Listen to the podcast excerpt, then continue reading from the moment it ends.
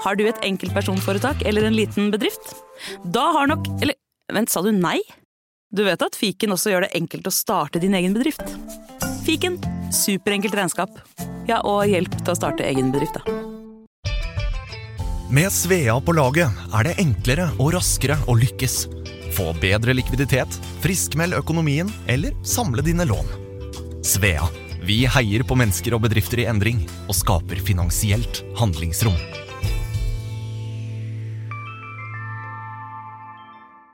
Har du pollenallergi? Apotek 1 har et stort utvalg av allergitabletter, nesesprayer og øyedråper som kan brukes for å forebygge eller dempe plager som nysing, renne øyne og tett eller rennende nese. Det er viktig å bruke legemidlene hver dag gjennom hele pollensesongen, selv om plagene skulle bli borte enkelte dager med lav spredning. Våre legemiddeleksperter kan hjelpe deg med å finne riktig behandling, slik at du får det best mulig med riktige medisiner. Apotek 1. Vår kunnskap, din trygghet. Advarsel. I denne podkasten vil du høre historier basert på informasjon programlederne har funnet selv. Programlederne står ikke nødvendigvis inne for meninger og syn som fremstilles. Noen påstander kan avvike fra virkeligheten.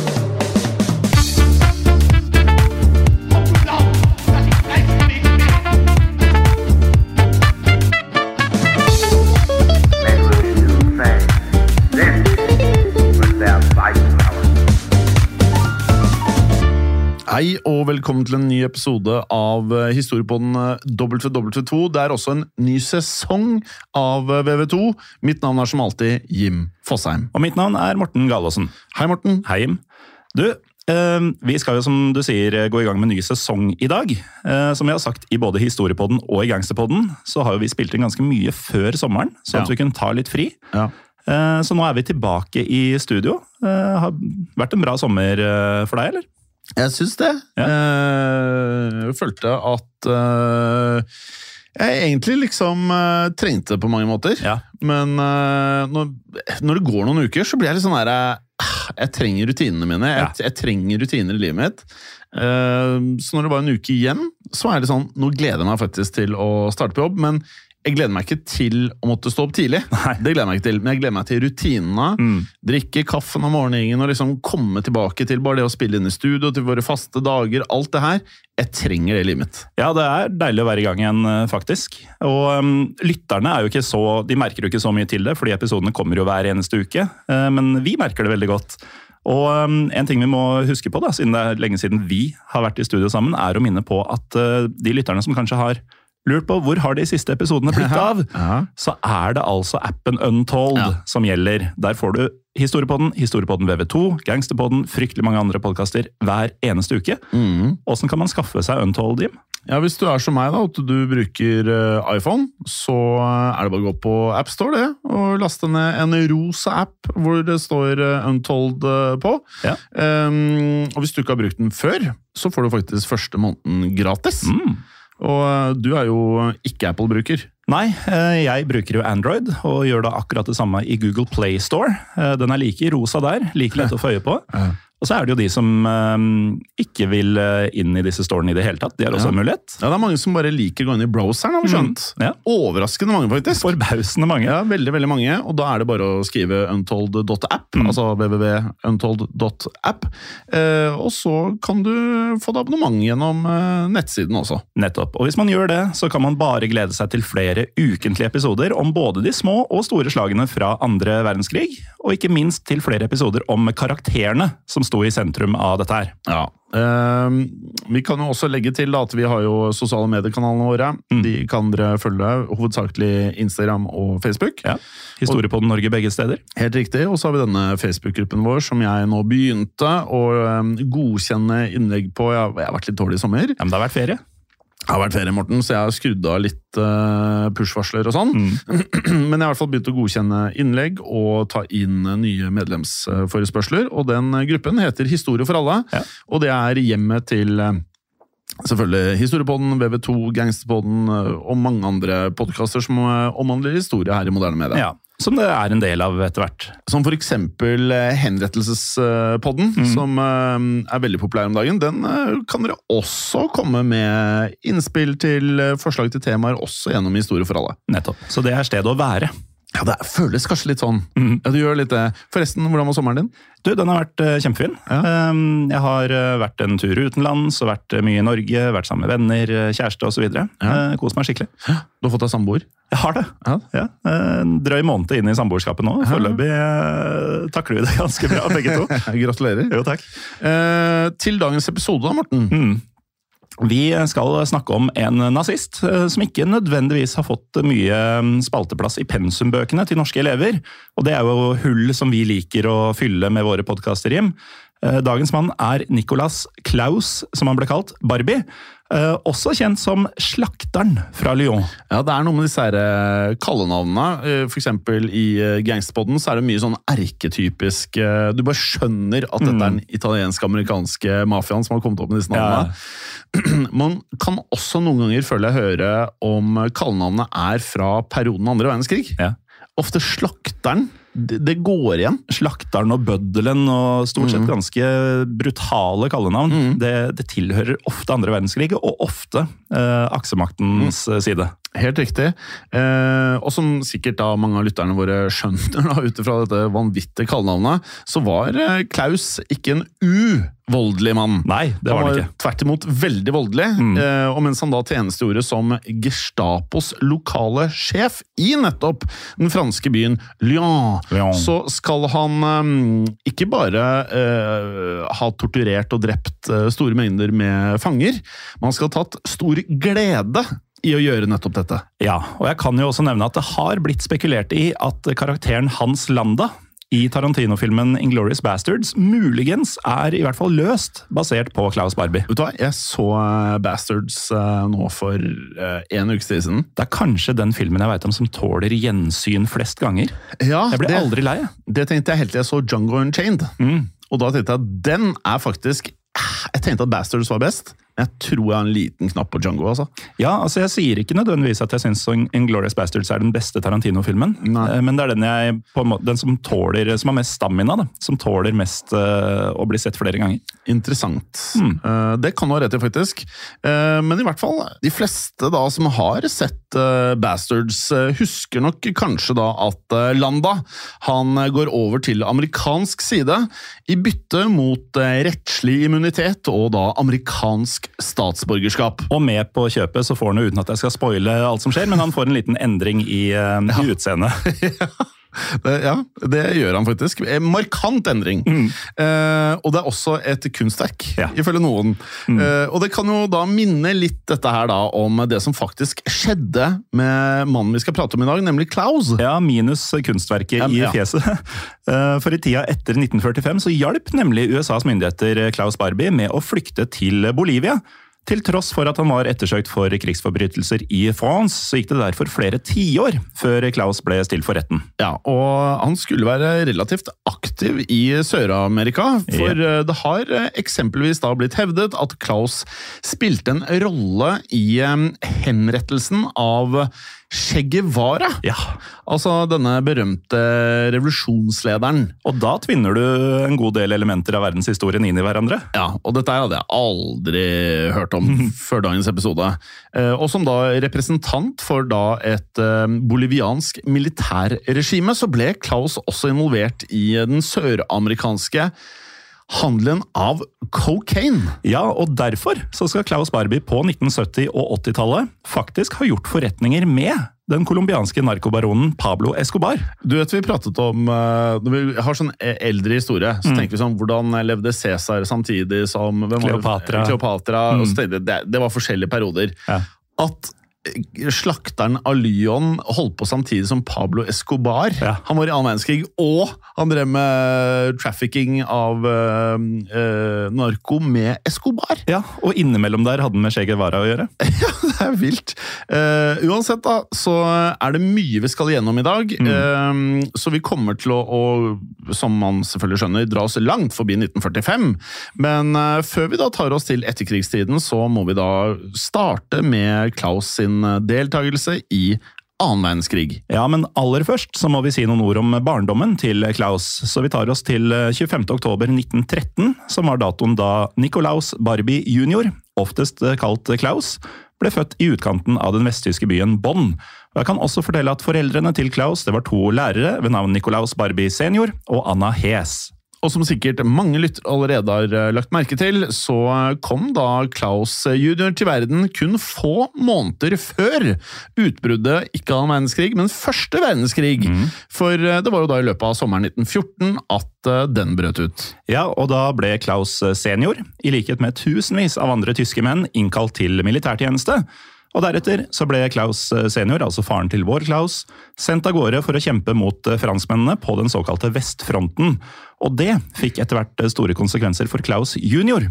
For eh, selv om faren Klaus senior overlevde første verdenskrig, så vendte han hjem igjen som en forandra mann. Og Da første verdenskrig tok slutt da i 1918, så ble da Klaus senior løslatt etter en periode i fransk krigsfangenskap. Og av dette fangenskapet og også andre opplevelser fra krigen, så skulle Klaus da slite med traumer som etter hvert også da førte til at han ble kraftig alkoholisert. Ja, og da Klaus senior ble alkoholiker, så ble han også voldelig mot eh, familien sin. Så ved flere anledninger så skal han ha banka opp eh, både kona Anna, Klaus junior og yngstesønnen Kurt, noe Klaus senior visstnok gjorde mens han ropte og skreik om hvordan han hata franskmenn. Ja, og Dette skulle da sette dype spor hos eh, Klaus junior. Mm. Eh, og Det virker jo heller ikke usannsynlig at denne julingen da, som han fikk av Klaus senior, skulle bidra til at Klaus junior senere ble en svært voldelig type. Nei, Det er jo en naturlig uh,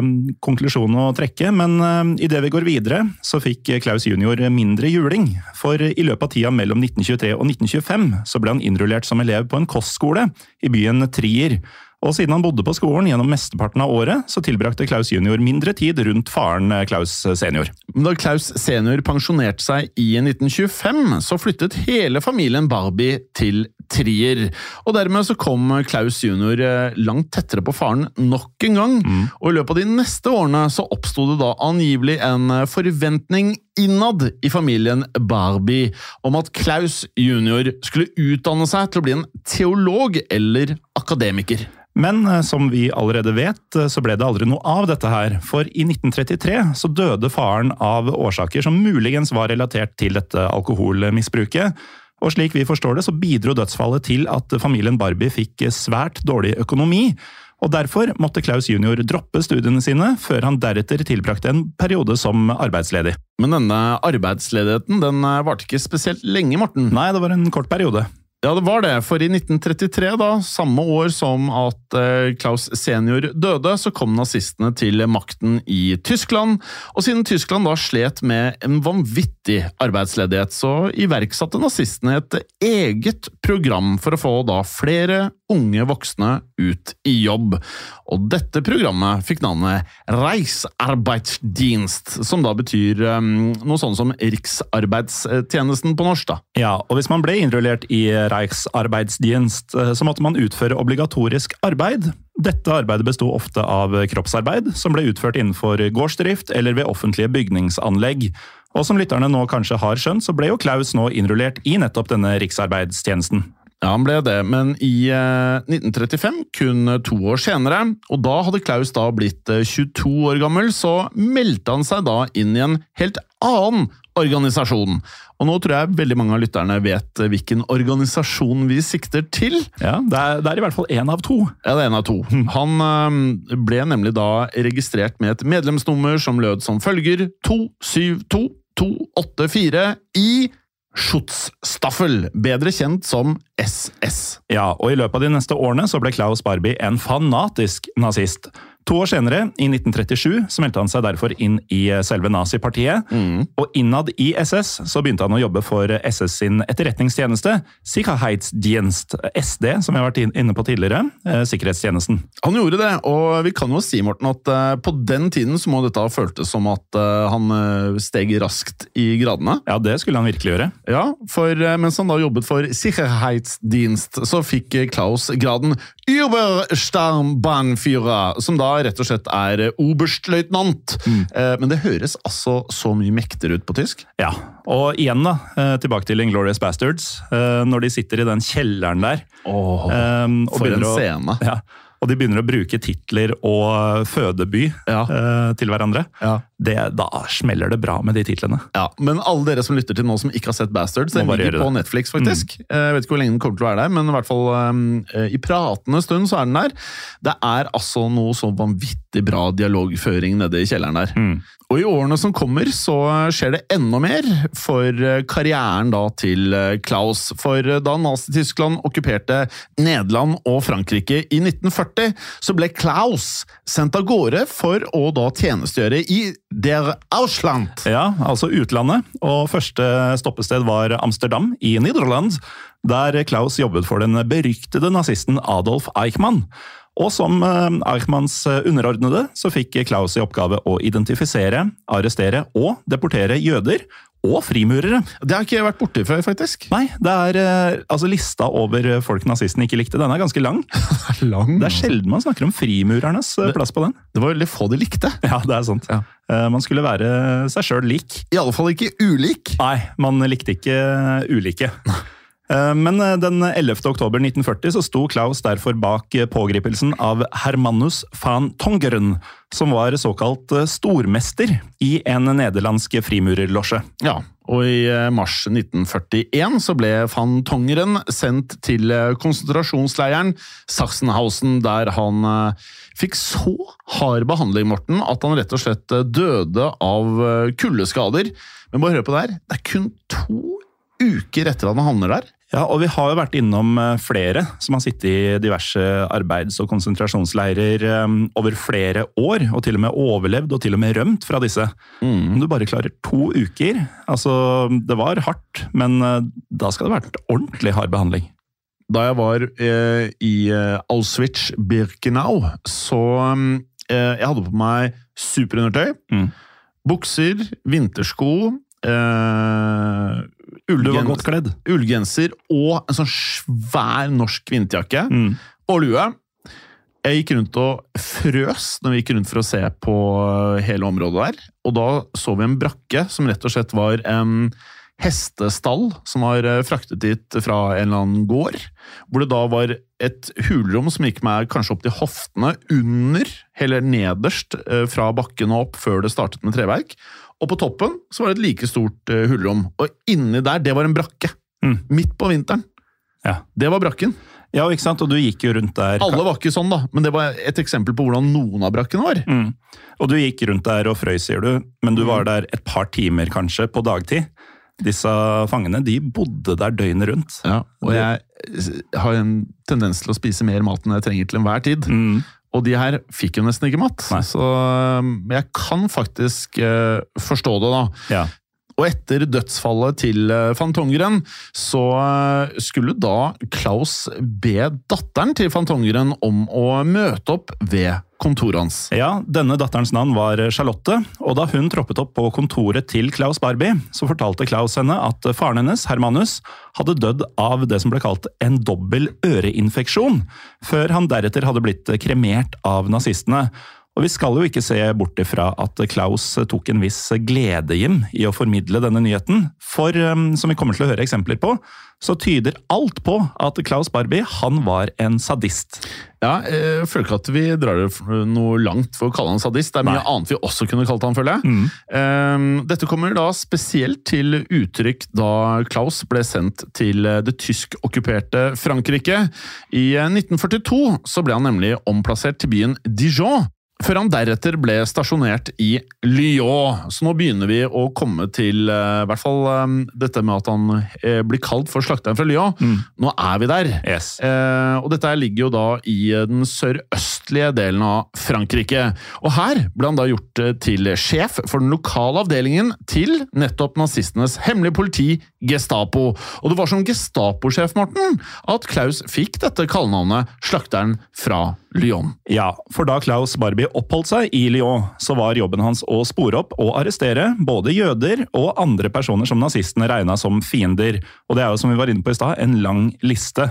Derfor jobba Klaus også med å spore opp medlemmer fra den eh, franske motstandsbevegelsen, La Résistance. Og når han fikk kloa i franske motstandsmenn eller motstandskvinner, så gikk eh, slakteren eh, brutalt til verks. Det gjorde han. I eh, hovedkvarteret sitt i Lyon, som var da å finne på hotellet Rue Terminu, Rue Terminu. Rue Termini, så hadde da Klaus for vane faktisk og personlig avhøre fangene sine. Mm. Og nå kommer det noe båndskurkaktig. Ja, for uh, dette gjorde han ofte mens han eh, bar på en er helt vanvittig. Han gikk rundt med en katt Mm. eh, som han da kjelte med, samtidig som han avhørte og torturerte ofrene. Altså, det er så filmskurk. Det er så filmskurk, Å gå rundt og kose seg med tortur samtidig som du koser med en katt. Det er eh, I Bond-filmene så heter eh, han bad guyen Han heter Ernst Stavro Blofeld, Mm. og er da nummer én i dette her nettverket som heter Spekter. Mm. Eh, han går ut med en hvit katt, Ja. ofte med sånn diamanthalsbånd. Ja. Um, så det, Du skal ikke se bort fra at det er tatt fra slakteren, dette her. På altså. ingen måte. Nei. For selv da om Klaus eh, fremsto, for mange faktisk, som eh, sjarmerende av alle ting, eh, så tok han enorm glede i at andre mennesker ble påført eh, ikke bare fysisk, men også psykisk smerte. Og her ser vi også en parallell til eh, karakteren Hans Landa, som vi nevnte i stad. Som har en både eh, dannet og sjarmerende og høflig side, samtidig som han er ordentlig fæl og liker å rote med huene til folk, og etter hvert også gå fysisk til eh, verks. Noe av det verste med Hans Landa er at han noen ganger eh, Du kan nesten tro at han ønsker å være velmenende, Ja. Men så har han en vanvittig agenda Mm. eh, i enhver samtale. Ja, og en ekstrem evne til å skjule den agendaen Ja. til at eh, den andre kanskje føler seg litt uh, trygg, Ja. og så slår han til. Veldig, Og så kan han flere språk, så han Mm. fremstår også veldig smart, intelligent og mm. Mm. Men uh, er i praksis bare grusom.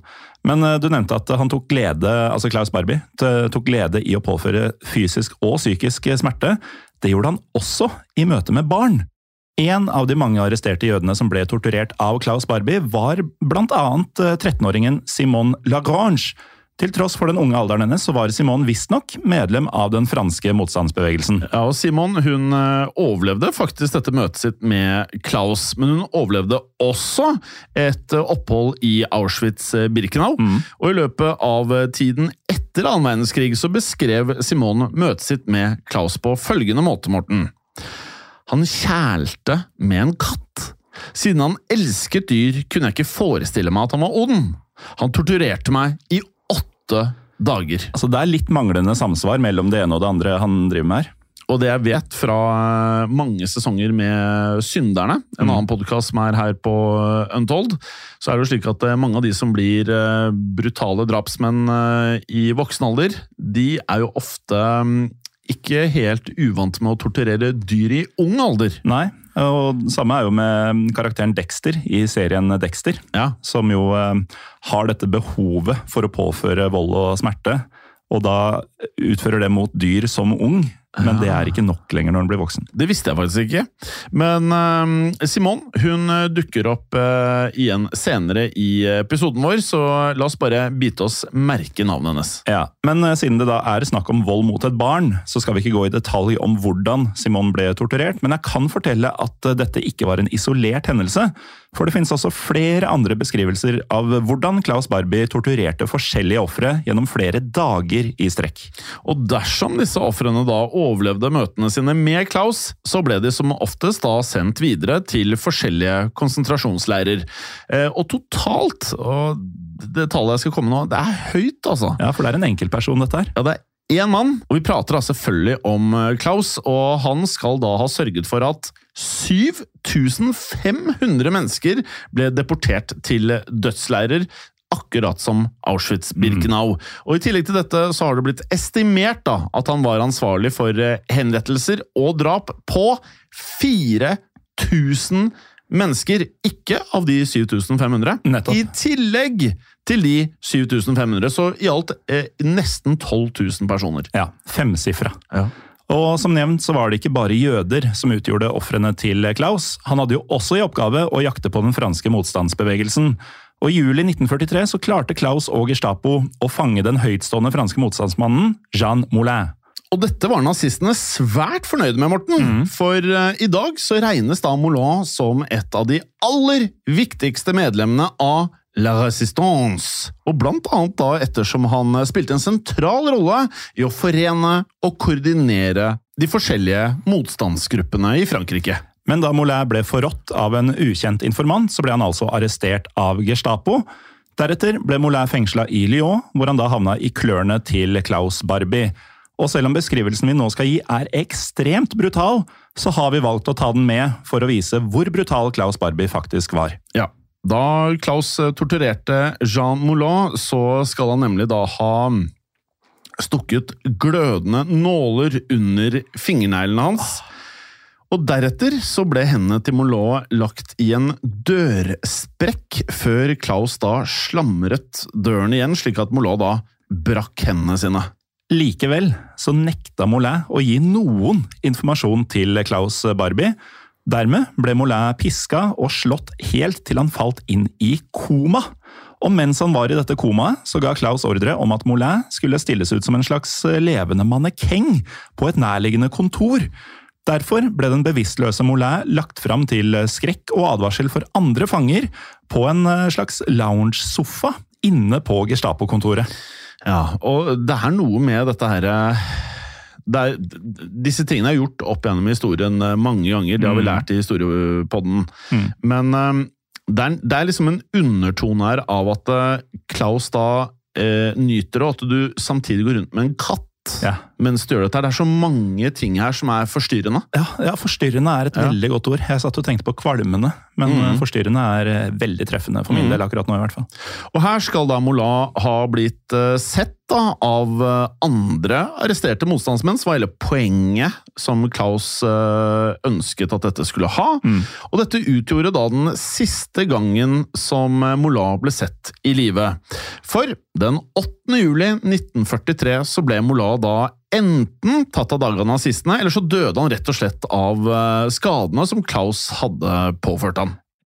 Og siden Jean Moulin var et høytstående medlem av den franske motstandsbevegelsen, så ble Klaus Barbie belønna for sin deltakelse i arrestasjonen av Moulin. Denne belønninga kom i form av æresutmerkelsen Jernkorset, som eh, Barbie fikk personlig tildelt av Adolf Hitler. Mm. Men i løpet av det neste året, Morten, så gjorde Klaus seg skyldig i mange flere forbrytelser. Og gjennom 1944 så sørget han blant annet for at 44 jødiske barn fra landsbyen Izu ble deportert fra Frankrike til eh, Auschwitz. Og I tillegg til dette så beordret da Klaus eh, massakrer faktisk av eh, franske landsbybeboere, som da en form for hevn for diverse aksjoner utført av eh, motstandsbevegelsen. Ja, så man skjønner jo at lista over grusomheter utført og beordret av Klaus Barbie, den er så lang at vi kan ikke ta alt, i detalj i Nei. denne episoden. Så det kan være at vi tar, tar enkeltstående hendelser og går litt mer i dybden på dem i f.eks. kuriositeter eller vanlige episoder i fremtiden. Ja. Men eh, samtidig da, så fortsatte Klaus å torturere fanger på dette sadistiske viset. Ja, og vi har eh, da en beskrivelse av eh, Klaus. Denne beskrivelsen ble gitt av en Enat-leger, en fransk-jødisk kvinne som i likhet med Simone Lagrange da opplevde å bli torturert av Klaus. Ja, og siden Enat Leger eh, overlevde andre verdenskrig, så uttalte hun senere følgende om Klaus Barbie. Han hadde øynene til et monster. Han var en villmann. Gode gud, han var en villmann. Det han gjorde, var utenkelig. Ja, det er nok en uh, presis beskrivelse fra en person som var i den uh, settingen. Ja, og det vi har hørt uh, om Klaus tidligere, det ligger mye mellom linjene her. Mye. Eh, og vi er jo nå mot slutten av krigen. Ja. Vi har jo nevnt at vi skal også til perioden etter annen verdenskrig i denne episoden også. Mm. Men uh, krigslykken den eh, snur seg voldsomt mot eh, Klaus og nazistene. Og i 1944 så gikk de allierte da i land i Frankrike. Og deretter så ble tyskerne presset ut av landet. Og da Frankrike ble frigjort, så gikk det heller ikke mange måneder før annen verdenskrig tok slutt i Europa. For i mai 1945 så ble den tyske hovedstaden Berlin inntatt av Sovjetunionens røde armé. Og da krigen tok slutt, så ble Klaus Barbie ettersøkt for eh, disse krigsforbrytelsene som han hadde begått på fransk jord. Men som vi nevnte i starten hjem, så skulle det ta flere tiår før han ble stilt for retten. Helt riktig, og før den tid så rakk Klaus å utføre flere nye forbrytelser, annet i Sør-Amerika, noe vi skal gjøre mer om etter en kort pause. Velkommen tilbake. Før pausen så nevnte vi at Klaus Barbie snart endte opp i Sør-Amerika. Det stemmer, Morten, for eh, da annen verdenskrig eh, tok slutt, da, så klarte Klaus å gjemme seg for eh, de allierte. Og som vi tidligere har pratet om i episoden som heter Operation Paperclip, så var det mange nazister som fikk hjelp til å da unnslippe noen form for straff etter krigen. Dette inkluderte f.eks. For forskere som hadde kompetanse som spesielt USA, Storbritannia og Sovjetunionen ønsket å benytte seg av etter krigen. Ja, og I likhet med andre nazister så fikk Klaus Barbie uventa hjelp fra USA og Storbritannia. For um, slik de britiske og amerikanske myndighetene så det, så gjorde Klaus sin bakgrunn som Gestapo-sjef uh, han til en viktig brikke i den kalde krigen som nå skulle gå i gang mellom USA og Sovjetunionen. Ja, det er helt riktig, og USA og Storbritannia de ønsket nemlig å demme opp for fremveksten av kommunisme rundt omkring i verden, spesielt i Europa. Mm. Og dette er, kan nok for uh, mange nye lyttere av historie på den andre verdenskrig, som kanskje ikke kan veldig mye om annen verdenskrig fra før, virke helt vanvittig. Ja, Og det er jo på en måte det, Det selv om det har sine logiske forklaringer. Ja, Men dette var altså da helt vanlig. Mm. At uh, de verste nazistene faktisk da slapp unna med alt det de hadde gjort. Ja, ikke bare slapp de unna, men de fikk jo høye stillinger mm. i uh, fiendtlige land. Tidligere mm. fiendtlige land. Eh, og mange endte jo bare opp med å leve livet Ja. i ja, diverse land, spesielt da i Sør-Amerika.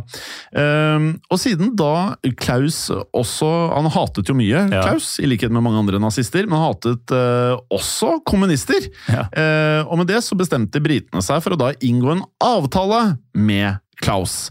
Og Derfor så ble han da først rekruttert av eh, Storbritannias etterretningstjenester, og frem til eh, 1947 så jobbet han angivelig da med å spionere på eh, mistenkte kommunister i Vest-Tyskland. Men eh, når det da gjelder eh, arbeidet han gjorde her, så har vi ikke veldig mye detaljer. Nei, men samtidig som han fortsatte da å unngå arrestasjon i Vest-Tyskland, så begynte Klaus Barbie også å jobbe for USA. Og nøyaktig hvor han nå bodde, det er litt uklart uh, for oss, men vi skjønner det slik at uh, amerikanerne nå betalte Klaus for å spionere på mistenkte sovjetiske agenter. Likevel da, så kom eh, de vesttyske myndighetene snart på sporet av Klaus, for i løpet av våren 1950 så fikk Klaus et tips fra en kjenning i det tyske politiet. Og Ifølge dette tipset så hadde politiet nylig fått en liste med navn på ettersøkte krigsforbrytere fra eh, nazitiden. Og da Klaus fikk vite at navnet hans sto på denne lista, så oppsøkte han de amerikanske kontaktene sine for å be om hjelp til å skjule seg. Men eh, samtidig da, som amerikanerne diskuterte hva de skulle gjøre med Klaus, så fikk det franske innenriksdepartementet nyss i at Klaus jobba for USA. Og gjennom eh, private møter så skal eh, franske diplomater derfor ha krevd at USA utleverte Klaus til Frankrike. Og jeg skjønner dem godt. Ja, det skjønner jeg veldig godt. Men hva tror du da amerikanerne gjorde, Morten? Jeg tipper de eh, ikke spilte ball. Nei, de spilte ikke ball, for um, utrolig nok da, så nektet amerikanerne for at de visste hvor Klaus nå befant seg. Og motivet for dette var eh, kanskje da at amerikanerne anså det som en pinlig affære å offentlig innrømme at de hadde hjulpet nazikrigsforbrytere med å unnslippe straff etter krigen. Og for å da legge lokk på saken, så fortsatte USA å hjelpe Klaus. For i 1951 så hjalp den amerikanske hæren sin etterretningstjeneste, The Counter Intelligence Corps, Klaus med å rømme til Sør-Amerika via Italia. Og da Klaus forsvant uten spor, så ble de franske myndighetene rasende på myndighetene til USA. Ø- Øyner du at dette burde vært eh, en film? Ja, det øyner jeg. Ja, fordi at én ting er krigen, Mm. men alt etter her Dette her er jo sånn skikkelig sånn spionasjefilm. Ja, med høypolitisk uh, spill også i bakgrunnen. Ja. Um, uansett, eh, franskmennene de kjøpte jo da ikke denne forklaringa til amerikanerne i det hele tatt. Men likevel så var det først på 1980-tallet at den amerikanske staten offentlig beklaga hvordan USA hadde hjulpet Klaus Barbie med å rømme. Men før det skulle komme noen eh, beklagelse, Morten, så tilbrakte Klaus eh, flere tiår på frifot. For som vi nevnte i starten, så dro Klaus til Bolivia. Og her slo han seg da ned i 1951 i byen Cochabamba i nærheten av Andesfjellene. Og der levde han sammen med familien sin under dekknavnet Klaus Altmann. På papiret så var Altmann å anse som en tysk forretningsmann som rett og slett hadde emigrert til Bolivia. Men i tillegg så besto familien Altmann også av konen til Klaus, en Regina Margareta Wilms, og sønnen Klaus Georg og datteren Ote. Og nå fant Klaus og familien Altmann seg så godt til rette at Klaus snart fikk boliviansk statsborgerskap.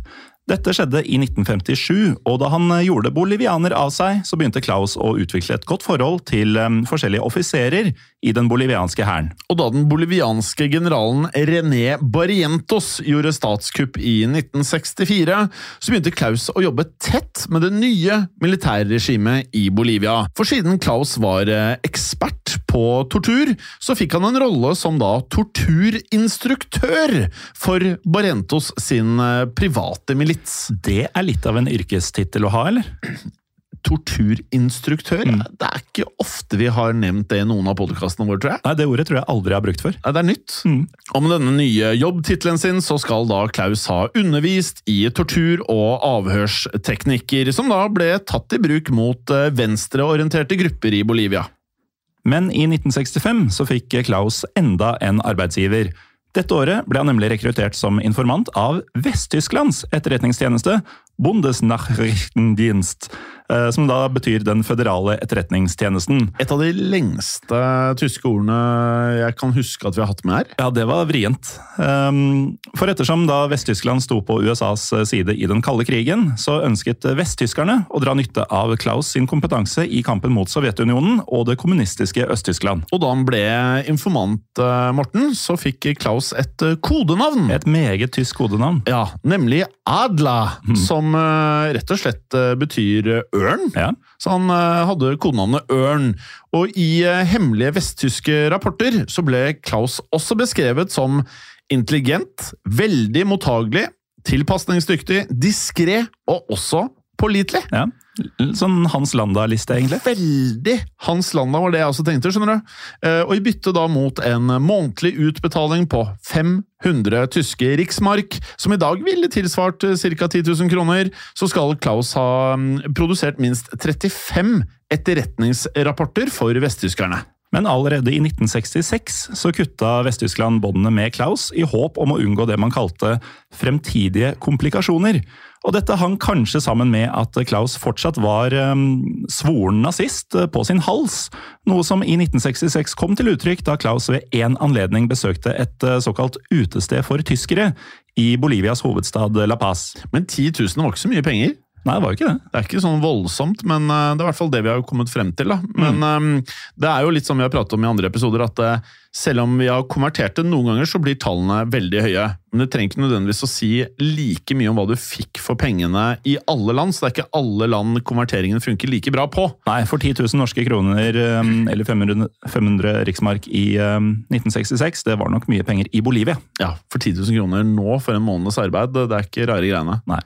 Uh, uansett, på dette utestedet da, så drakk Klaus seg uh, relativt full. Mm. Ja, uh, Før han deretter begynte å rope tyske nazihilsener. Ja. Og derfor så ble han da visstnok kastet ut av utestedet, det kan man jo forstå. Ja. Men som vi nå skal høre, Morten, så gikk det lang, lang tid før han ble kastet ut av landet Bolivia. Ja, for Klaus ble boende i Bolivia gjennom mesteparten av 1960-tallet.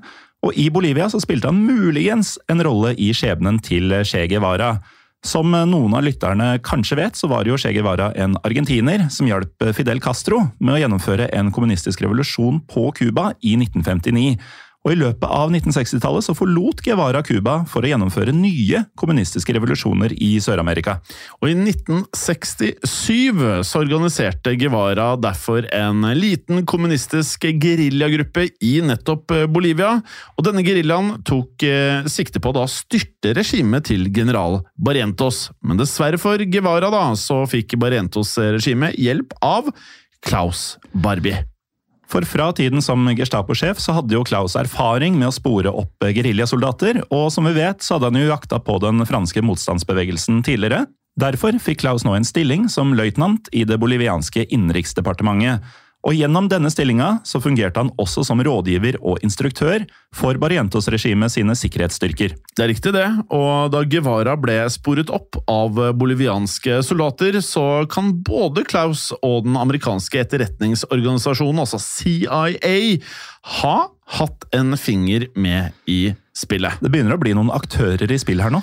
Ja, og hadde det vært en film, så hadde man tenkt sånn eh, Hvis det hadde stått sånn 'based on uh, a true story', så hadde man tenkt sånn Er dette faktisk noe som har skjedd? Ikke sant? For man, det er, det, Så mye av det vi prater om, er så drøyt. Ja. Ja, Så Du tenker at det, kan det virkelig ha skjedd? Og at han ikke bare opererer rundt fritt nå, men at han gjør det med viten fra både USA, Bolivia og Vest-Tyskland. Og gjerne også for assistanse. Ja. Ehm, for det har nemlig blitt eh, hevdet da, at de bolivianske soldatene som da faktisk fanget Guevara, ble hjulpet av en kommunistfiendtlig cubansk CIA-agent ved navn Felix Rodriguez. I tillegg så har det blitt spekulert i at det var Klaus som sto bak planen som felte Che Guevara. Denne planen ble satt ut i live den 8. oktober 1967, da landsbyen som Guevara og en mindre gruppe geriljasoldater skjulte seg i, ble omringa av 180 bolivianske soldater. Deretter ble Che Guevara tatt til fange etter en skuddveksling, før han så ble henretta noen timer senere ved skyting. Ja, og etter Guevaras eh, dødsfall da, så skal Klaus ved flere anledninger ha skrytt av hvordan han da bidro til at Guevara ble fanget. Og i årene som fulgte, så roet Klaus på ingen måte ned aktivitetene sine i Sør-Amerika. Nei, for selv om han nå hadde rukket å bli 54 år, så drømte Klaus visstnok om å opprette et nytt nazirike oppe i Andesfjellene. Ja, og dette her er jo Jeg har pratet om det i flere podkaster tidligere. Dette her syns jeg er så fascinerende. At eh, Har du hørt um, om en eh, TV-serie som heter eh, Jeg tror det er Hunting Hitler? Ja.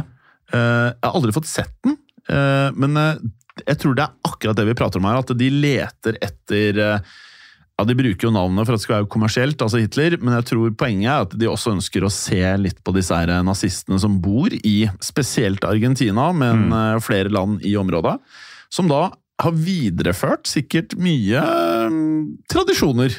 Det kan man tenke seg. Og apropos videreføre mm, tradisjoner, eh, siden Hitlers Nazi-Tyskland hadde gått under betegnelsen Det tredje riket, så ville Klaus Barbie sitt nye nazirike bli til Det fjerde riket. det, da, da har du høye tanker om deg selv. Du har det. Ja. Eh, og i håp da om å bygge dette fjerde riket, så reiste Klaus til Peru. Og nå har vi kommet til 1968. Og um, i Peru så skaffet han seg kontakter hos enda et militærdiktatur. Så han liker diktaturer, virker det som. Ja, og det var en del av dem i Sør-Amerika på denne tiden. Det var det absolutt, og denne gangen så var det da snakk om regimet til den peruvianske generalen Juan Velasco Alvarado, som nå engasjerte Klaus som rådgiver for sikkerhetsstyrkene sine. Men bare noen få år senere så oppdaget to såkalte nazijegere at Klaus befant seg i Peru. Apropos yrkestitler, nazijeger. Det har vært litt gøy ja, Nå er det litt sent, da. Ja. Jo Hvis det er noen igjen, så er det sånn 105, 110 Men hvis man måtte Du måtte valgt enten å være torturinstruktør eller nazijeger. Nazijeger. Lett. Ja, lett. Um, I hvert fall, Disse nazijegerne de var et ektepar ved navn eh, Serge og Beate Klarsfeldt. Tenk sånn et ektepar går inn for å være nazijegere. Ja, og Disse jobba da på dette tidspunktet på vegne av France for å identifisere rømte nazister. Kan ikke være et kjedelig ekteskap. Det tror jeg ikke. Det tror jeg ikke. Og I 1971 så sporet eh, ekteparet Klarsfeld opp et eh, hemmelig dokument. Dette dokumentet avslørte at Klaus Altmann i virkeligheten var Klaus Barbie. Og I tillegg så fikk ekteparet tak i et bilde som nylig hadde blitt tatt av Barbie. Og dette bildet fikk de angivelig fra en annen tysker som da bodde i Peru. Og I løpet av kort tid så delte ekteparet Klarsfeld eh, informasjonen de hadde funnet med den franske pressen. I januar 1972 fløy Beate derfor til Sør-Amerika sammen med den franske journalisten Ladisla de Hoyot og kameramannen ved navn Christian van Rysvik. Målet deres var å arrangere et intervju med denne Klaus Altmann, slik at de kunne bevise at Altmann i virkeligheten var Klaus Barbie.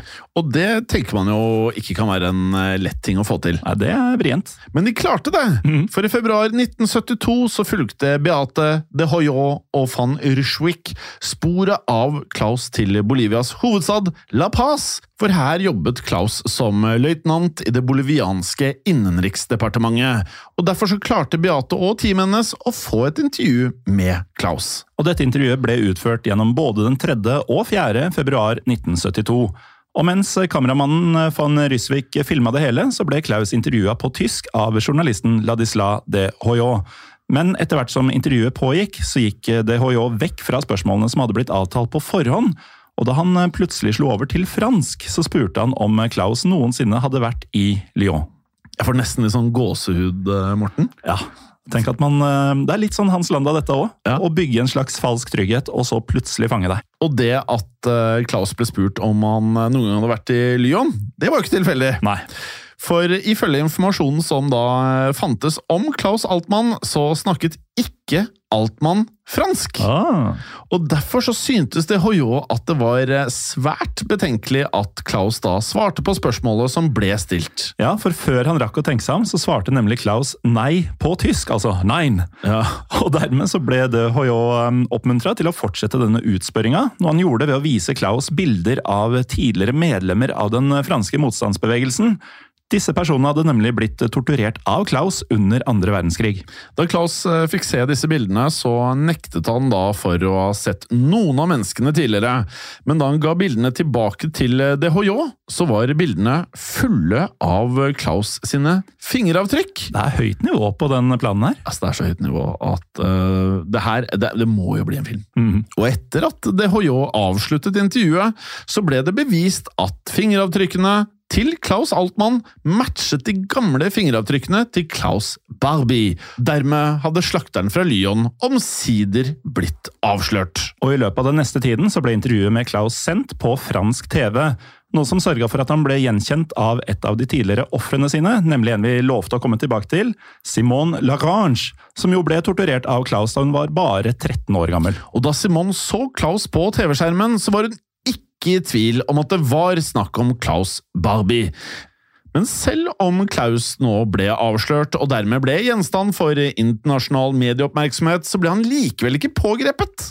For siden Klaus da hadde et godt forhold til det bolivianske regimet, så nektet Bolivias daværende myndigheter å utlevere han til Frankrike.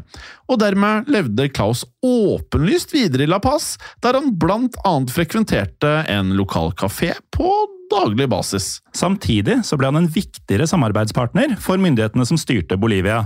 For i 1969 så døde general René Barrientos, og i 1971 så kom en ny diktator til makta i landet. Denne gangen var det snakk om oberst Hugo Banzer, som anså Klaus Barbie som en svært nyttig kar å ha rundt seg. Blant annet da ettersom Klaus hjalp Banzer sine sikkerhetsstyrker med å pågripe, fengsle, torturere og likvidere personer som ble ansett som venstreorienterte. Dette inkluderte blant annet regimekritiske journalister. Men i løpet av 1970-tallet kunne Klaus føye til enda en forbrytelse på CV-en sin, nemlig våpenhandel. For nå skal han begynt å kjøpe inn store mengder våpen og militærutstyr på vegne av regimet i Bolivia. Og da snakker vi ikke om eh, småsaker, Jim. Altså, nå må Vi jo, vi har pratet om mange filmer eh, i denne episoden. Mm. Det her er litt Lord of War. Har du sett Ja, ja, Nicholas. Cage? Mm. Ja. Uh, rett og slett en våpenhandler som uh, kjøper våpen av land, selger våpen til andre land. Ja. Uten å tenke på hvor de kommer fra eller hvor Ja. de skal. Og Du nevnte at det var ikke småsaker det var eh, snakk om her, Nei. og det er helt riktig, for sammen med en søramerikansk nynazist som het Alvaro de Castro, så skal Klaus faktisk ha kjøpt inn flere tanks fra Østerrike. Altså tanks! Ja. Eh, og da Alvaro de Castro ble arrestert noen år eh, senere, så hevdet Castro også at han hadde drevet med narkotikasmugling sammen med Klaus. Ja, for på 70-tallet så ble jo kokainsmugling ekstremt lukrativt, i tråd med at eh, etterspørselen etter kokain nærmest eksploderte i USA. Derfor begynte narkotikakarteller i land som Colombia og Bolivia å smugle enorme mengder kokain i nettopp USA, og siden Klaus hadde fått svært mange kontakter gjennom Sør-Amerika, så ble han angivelig innblandet i denne smuglingen. Ja, for Klaus skal nemlig ha gjort forretninger med Bolivias største narkobaron, Roberto Suárez Gómez, som på folkemunne var kjent som El Rey de la Cocaína, altså kongen av kokain. Og Gomez han var for øvrig også inspirasjonen for um, narkobaronen i uh, filmen Scarface, som heter Sosa. Ja, Uh, har du sett den? den har jeg selvfølgelig sett. Jeg tror faktisk uh, det er min favoritt-gangsterfilm. Altså ikke mafiafilm, men gangsterfilm. Mm. For det er på en måte ikke mafia. Nei, på en måte. Og den eh, linken mellom Gomez i virkeligheten og Sosa i Scarface, den planlegger vi å prate mer om i en episode av Gangsterpodden, Jim. Ja, blir veldig spennende. Den er også her eh, inne på eh, Untold. Hvis du har abonnement, så får du den selvfølgelig reklamefritt, og alle episodene ligger der. Mm. Eh, og Derfor så skal vi ikke si så mye mer om Gomez i dag, men vi kan jo nevne at han på 70- og 80-tallet faktisk skal ha vært verdens største kokainprodusent. Det sier en hel del, altså. Eh, Og Derfor så var det Gomez sitt kokain som ble solgt videre til det såkalte Medellin-kartellet i Colombia. Og Medellin-kartellet, Jim, det ble som kjent leda av den mer beryktede narkobaronen Pablo Escobar. Og når Escobar kjøpte kokain fra Gomez i Bolivia, så sørga Escobar for at kokainet deretter ble smugla inn i USA. Og her kommer eh, noe av det vi nevnte innledningsvis, eh, Morten. Nemlig at eh, Klaus Barbie han skulle spille en rolle i dette. For Klaus han skal nemlig ha inngått eh, forretningsavtaler med både Gomez og Escobar. Altså, det er Man kan si utrolig mye om Klaus Barbie. Det meste negativt eh, sett med etiske øyne. Men tenk for en viktig del av 1900-tallshistorien. At du har eh, vært tett på Hitler og tett på Pablo Escobar i samme liv. Så, Og Che Guevara, visstnok. ja, det er så vanvittige linker her. Mm. Eh, og dette gjorde Klaus da på vegne av eh, regimet altså, til eh, den bolivianske diktatoren Hugo Banzer.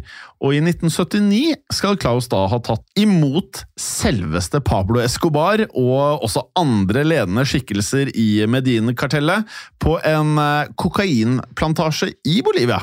Og da Escobar og de andre gjestene ankom, så møtte Klaus dem angivelig kledd i den gamle SS-uniformen sin. Det er jo helt absurd, dette her. Skulle ikke tro det var sant! Tenk deg hva Escobar må ha tenkt når det står en sånn nazist i en SS-uniform der. Ja, Godt opp i åra også, Ja. i, eh, på en kokainplantasje i Bolivia. Ja, dette her er sånn Du vet mye med Indiana Jones hvor fascinerte de antageligvis da er av nazister, for de har jo med mye nazister i de tre første filmene. Dette her er litt av grunnen. At nazistene var, de var litt oppdagere. De var litt gale. De var, de var så mye. Mm. Så du kan på en måte gjøre mye narr av de også i de der eh, Indiana Jones-filmene. Dette her, er, det her kunne vært en, en scene i Indiana Jones. Ikke sant? Men vi må bare understreke at det er mye angivelig og visstnok her. Eh, Vi er ikke helt sikre på at han faktisk hadde på den uniformen, men det har blitt hevda. Jeg må bare tenke at det skjedde. Ja, vi må det.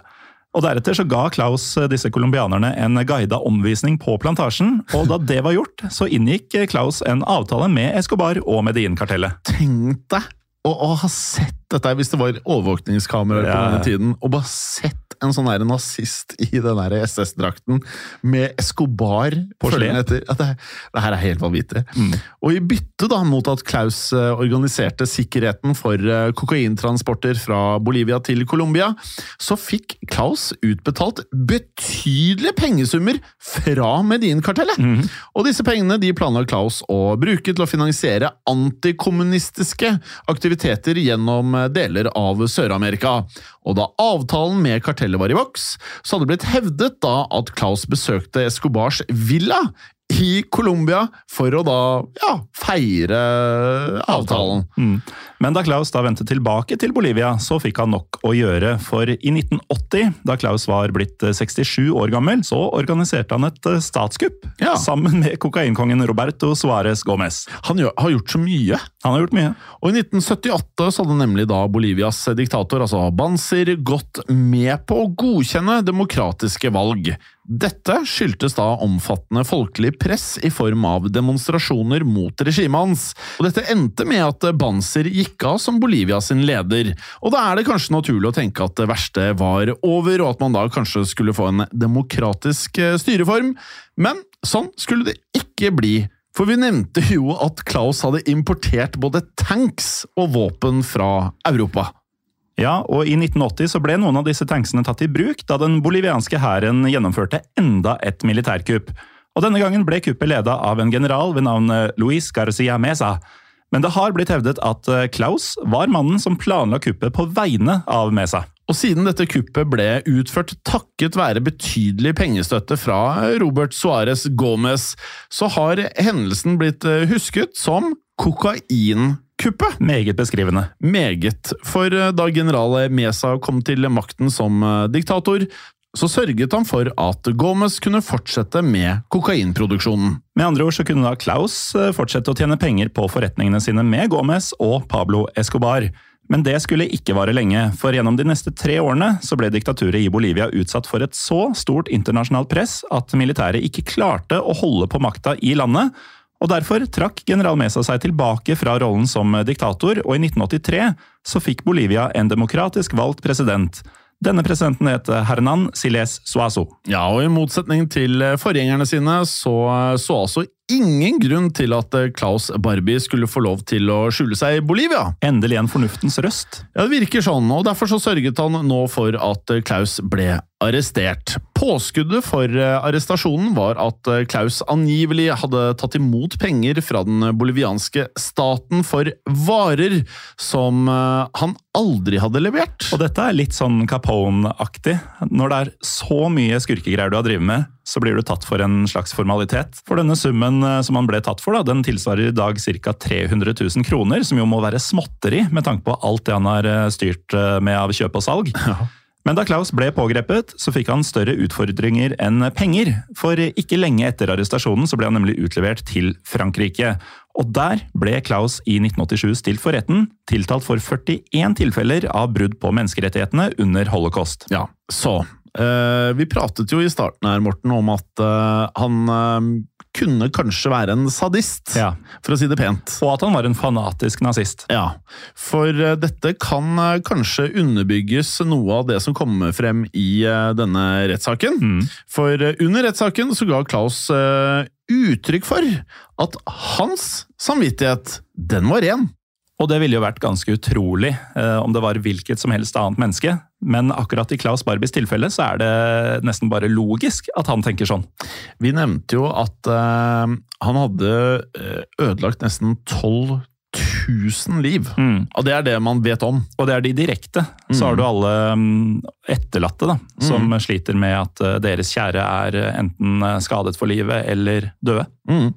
Riktig det. Uh, han skal ha uttalt uh, mye forskjellig, blant annet følgende Når jeg står foran Guds trone, vil jeg bli funnet uskyldig. Ja, Fanatisk er rett ord her. Og Gjennom den siste forsvarstalen sin i rettssalen så sa Klaus også dette. Jeg kjempet mot den franske motstandsbevegelsen. Sånn var krigen, og i dag er krigen over. Takk. Mm. Men siden det ikke var noen tvil om at Klaus deltok i holocaust, og at han var ansvarlig for flere tusen dødsfall, så ble han funnet skyldig da dommen falt. Dette skjedde 4.7.1987, så han har fått lov til å holde på relativt mange år. 42 40. år. Mm. 42 år, ja. Og da var Klaus blitt 74 år gammel. Men siden Frankrike hadde avskaffa dødsstraff eh, bare noen år tidligere, i 1981, så slapp Klaus Barbie unna med livet i behold.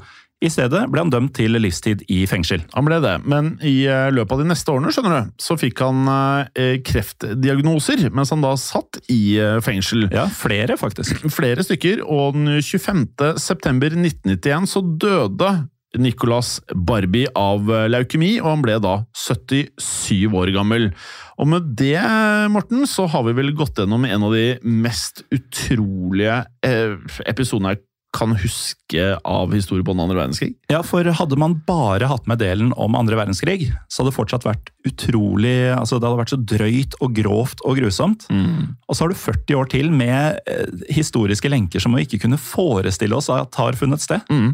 Og her må vi komme en liten oppfordring til lytterne våre, for at eh, jeg er helt sikker på at det finnes masse andre historier som er kjempespennende, som veldig få har hørt om, som eh, er eh, noe lignende, kanskje ikke like heftig som denne, mm.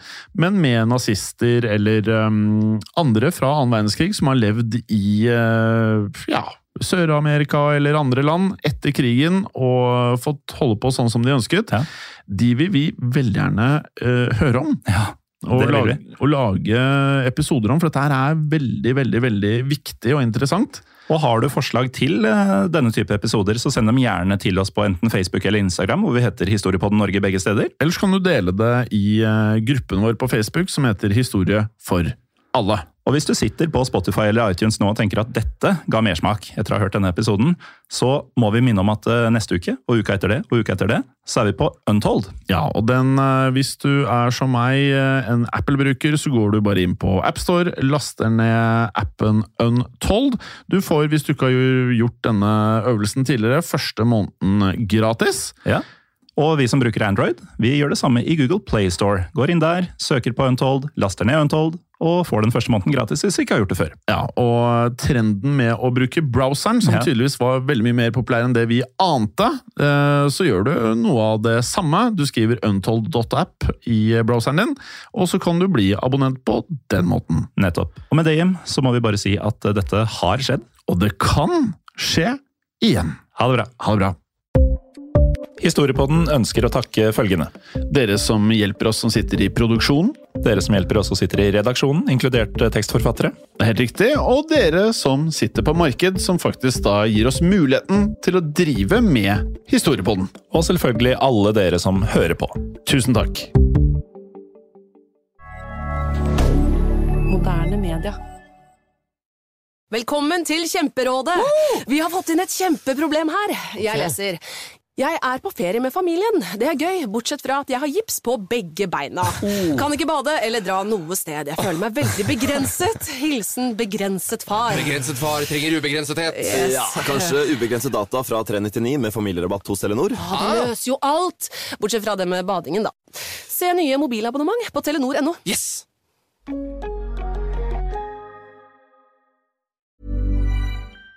Du, jeg lurte på, Hva er den beste investeringen eh, du har gjort?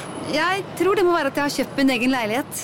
Jeg har kjøpt noe kryptovaluta og håper jo at det vil være en god investering på sikt. Du, det må faktisk helt klart være utdanninga mi fra BI. Jeg har fått en kompetanse og noen verktøy som virkelig er nyttig for meg i alt jeg gjør på jobb. En god investering handler ikke bare om økonomisk gevinst, men også hva du gjør for å gi deg selv et enda bedre utgangspunkt. Utdanning er nemlig en av de største investeringene du kan gjøre for fremtiden din. På BI møter du kunnskapen og nettverket du trenger for å oppnå det du vil. Gå inn på bi.no for å finne kurs og programmer som tar deg videre. BI make it your business.